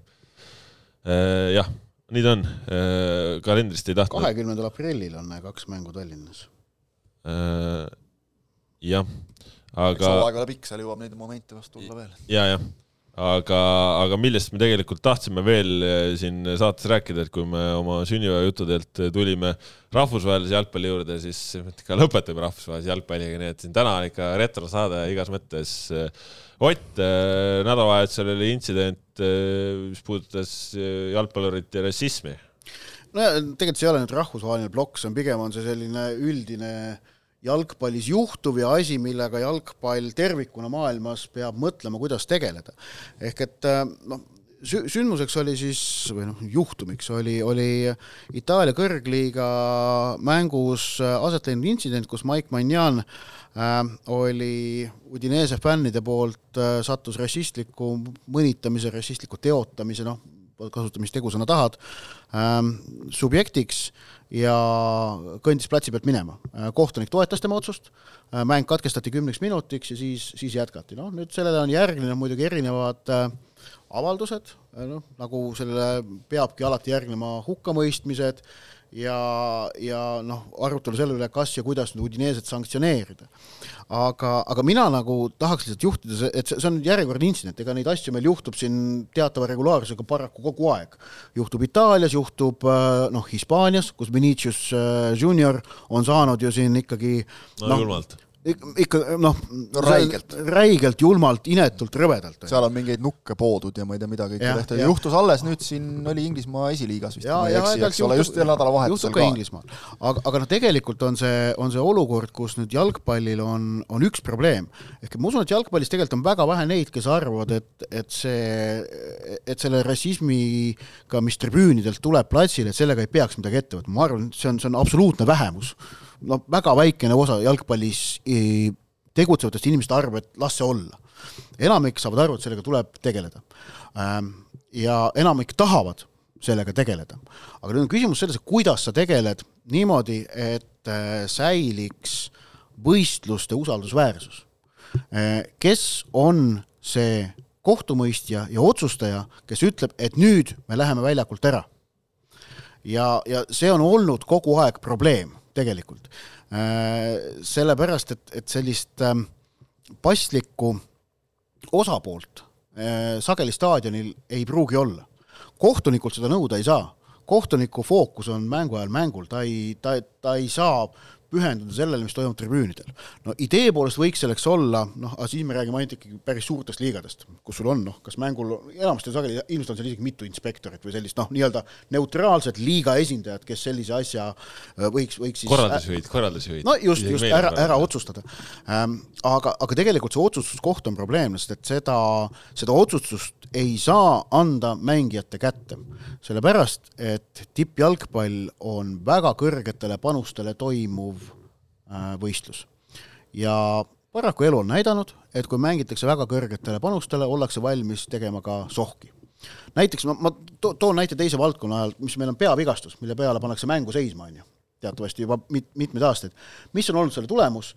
mängijad tegelikult on hakanud peavigastusi teesklema olukordades, kus nad näevad, et äh, rünnak võib ohtlikult nende meeskonna jaoks vastasel näiteks jätkuda, kaitsjad jäävad enda kasti labama, hoiavad käe käega peast kinni, pärast kordustes vaatad, noh, seal ei ole mitte midagi. aga kohtunik äh, on noh, kartusest, et äkki ta jätab äh, Äh, peavigastusele reageerimata, on mängu seisma pannud. ehk et noh, tegelikult me näeme, et, et see, mhm. see probleem on olemas. muuseas, sama asja, vaata oli, on, on arutelu, et äh, peapõrutuste puhul anda lisavahetusi võistkonnale mm. -hmm. natukene seda ju tehaksegi praegu, tõsi, antakse vastasele ka vahetus, aga ma, mina väidan, et seda, seda Äh, peapõrutuste vahetusi nii-öelda vabaks lasta jalgpallis ei saa sel samal põhjusel, seda hakatakse kuritarvitama. noh, see oli hakatakse... Inglismaal oldi nagu pioneerid selle suhtes mingit pidi, aga ega Euroopa sellega pole nagu kaasa tulnud. jaa, inglased tahaksid, et, et sa saaksid edasi-tagasi vahetust teha pea, peapõrutusega mm., aga sellega ülejäänud jalgpall ei kipu nõus olema ja minu meelest põhjusega. sellepärast, et seda hakatakse kuritarvitama mm.. sa, sa üheksakümne sul on üheksakümnendal minutil vahetused tehtud, aga tahaks äh, üks-kaks kaotusseisust tuua väljakule ühte, ühte pikka kolget, kes sul pingi pealt veel võtta on ja noh, no kogemata siis sinu see lühikene äärekaitsja noh, saab peavigastuse, no jookseb, jookseb oma mehele vastu küünarlukki ja no on, on valus, tuleb arst ütleb ka, näe, on peapõrutuse kahtlustust ja teeme vahetuse, tood selle pika kolge sisse, lööd värava. kõlab väga inetult, on ju aga oleme ausad, sellised asjad tegelikult hakkaksid juhtuma no,. me näeme, et jalgpallis ei valita vahendeid, Jose Mourinho on näidanud seda. on ju, noh, no ei valita vahendeid. kollaste võtmised, eks ole, asjad, ütleme noh, peapõrutustega muidugi lisandub veel see, et noh, seda ei saa lihtsalt lubada, sest see on ohtlik nagu, et, et äkki noh hakatakse no., see on ju ka see, et me teame, et mängija ei saa väga hästi aru, kes ta on ja kus ta on, aga surub, et ei, ma tahan mängida edasi, eks no, ole. No, aga, aga no tegelikult ühesõnaga, jalg, nagu sa, Kaspar ütles väga hästi, jalgpallis ei valita vahendeid ja, ja minu äh, noh, mure selle rassismiga tegelemisel on sama asi, ka seda võidakse hakata kuritarvitama. ja lõpuks on ka see, et kuhu me tõmbame selle mõistliku piiri. et kui sul on kaks idiooti, kes tribüüni pealt äh, karjuvad äh, karjuvad äh, ühele jalgpallurile rassistlikke solvanguid, siis äh, siis noh, ja, ja ütleme, see jalgpallur on võistkonnas, kes on parajasti kaks-üks eduseisus ja ütleb, et et ei oletame, need kaks Tolvanit viiakse tribüünilt minema ka, probleem lahendatud, ei, mul on emotsionaalne seisund selline, ma ei saa enam täna mänguga jätkata. ja, ja lähevad minema. ja siis peab olema keegi, kes ütleb, et äh, kui te täna edasi ei mängi, siis te saate kaotuse hoopis siit. aga kes julgeks seda niimoodi öelda, kartmata sattuda noh, nii-öelda pahameele alla, et noh, sa, sa, sa vähetähtsustad äh, rassismi. ehk et selle, see, murekoht äh, no tähendab, noh, okei okay,, üks suur mure on muidugi see, et üleüldse sellised idikad on staadionitel, kes, kes niimoodi käituvad, aga teine murekoht on siis see, et kuidas jalgpall saab sellele adekvaatselt reageerida. Kes ja kuidas saab teha otsused, mida usutakse, mida järgitakse. praegu Itaalias selle Magnani juhtumi puhul asjad läksid õnneks hästi olid enam-vähem kõik osapooled nõus, et see, mis toimus, oli vale ja keegi ei hakanud seda olukorda enda hüvanguks pahatahtlikult ära kasutama. aga just nagu tulid, ütlesid. tulid tagasi väljakule, mängisid lõpuni. jah, aga just nagu sa ütlesid, et jalgpallis ei valita vahendeid ja kui säärased asjad hakkavad juhtuma näiteks olukordades, kus on kaalul kas eurosarja pääsemised või mingid karikafinaalid või niimoodi, siis võivad juhtuda igasugused asjad. praegu põhimõte, eks ole, on see, et katkestame mängu kõigepealt, siis vaatame, kas peatame mängu ja siis vaatame, mis noh, nagu veel edasi saab, eks ole, noh mhm. muidugi jälle on oluline, et Infantino võttis sõna ja ütles, et sellist asja ei tohi kindlasti juhtuda ja selles osas tuleb midagi teha kindlasti. nõus, tuleb, jah, aitäh koostame komisjoni. tsiteerides klassikuid, väga hea info, aitäh. aga, aga ongi see, et kes siis mm, -hmm. kes seda siis otsustab ja noh, muidugi, mis nüüd välja käidi, eks ole, mille mida ta tõesti pakkus, on see, et tuleb hakata siis karistama ka klubisid. oi no,, oi, oi, oi. see nüüd on. ja praegu kukkus A Le Coq Arena'l üks mikker trosside kaudu sealt natukene lahti rippuma. ja, ja kõlar, jah tuul on siin tugev, ütleme. tuul on tugev, jah. teavitada kedagi, jah, vot näed, mis juhtub. Õnneks on kettidega kinni, vist ja. tahaks loota, et alla ei lenda. tahaks loota, muidu on päris suur kulu, ma ütleks. Ma tahaks nüüd näha, kes see julge mees on, kes sinna läheb seda tagasi. loodame, et keegi julge ei lähe, et seal tehakse muid asju. praegu selle okay, tuulega vist ei lähe, jah. Nonii, aga ühesõnaga äh, mis ma tahtsin öelda, on see, et siis see soovitus, et hakkame nüüd karistama neid äh, klubisid noh, siin tekib jälle see, eks ole, et, et kas nagu, nagu sinu kirjeldatud, kas kahe idioodi pärast on, on vaja nagu karistada klubisid sellega, et, et lihtsalt kohe automaatselt tehniline kaotus, tühjad tribüünid. ja, ja kui tuleb veel teadmine, et sul hakatakse automaatselt karistama, siis ju hakatakse provotseerima. muidugi no, kahjuks küll. see, see vend kes, äh, kes, kui sa nüüd vaatad Itaalia ultrafännide antud juhul, eks ole, nagu leidlikkust noh, et sul, et sul sa... Milani, Milani fänn tõmbab Interi fänni särgi selga, eks ole, läheb karjub natuke hääli tegema kuskile, eks ole. Manjani no, suunas no, ja pärast on tehtav. omade seas tehtud mees. Pole küll, aga, aga see, ma kardan, et seda hakkab juhtuma. et, et see on, see on ka probleem ja noh, jah ma, ei, ma ei tea, mina ei tea, kuidas see, see, kui, kui siin lühidalt,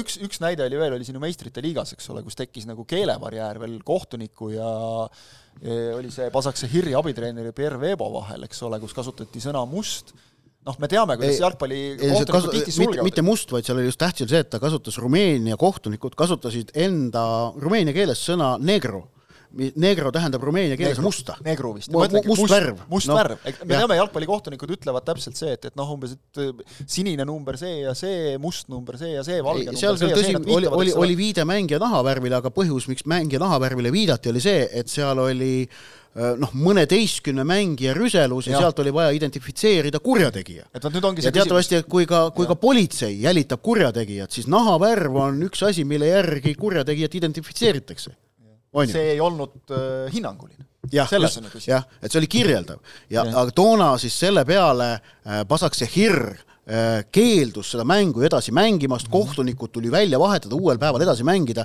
noh, mina olin toona küll väga seda meelt, et seal oleks pidanud Pasakse Hirri hoopis ka, ja see oli äh, karistama sellepärast, et noh, neil ei olnud õigust niimoodi teha, nagu nad tegid. kusjuures seal, ma nüüd ei mäleta seda situatsiooni, aga ütleme siis antud noh, ütleme hüpoteetiliselt, eks ole, kui tegelikult kogu selle mäsu, mis seal toimus küljejoone taga, on algatanud see klubi, siis on ju ebaproportsionaalne karistus täielikult no,, eks ole, jälle. no just, no, aga, aga ühesõnaga, meil on jalgpallis olnud ka näiteid sellest juba, kuivõrd keeruline tegelikult selle rassismi juhtumite puhul, mis on, mis on noh, rõvedad, kahetsusväärsed ja, ja noh, vastik, et nad üldse on, aga et kuidas nendega tegeleda niimoodi, et see asi oleks lõpuks õiglane tsiteerida lõpetuseks äh, ühte endist ajakirjanikku ja tänast poliitikut, lahendus on see, et vaja on leida lahendusi. Sa tsiteerisid minu endist peatoimetajat. just. vot, sellega tõmbame tänasele juubelihõngulisele saatele joone alla. oli teistmoodi? tavapärasest mõtlikum, jah. oli teistmoodi. Kuidas uuel nädalal, eks seda kõike näeme siis, igatahes. õlaks läks ka ikka ju, et ei olnud hullu.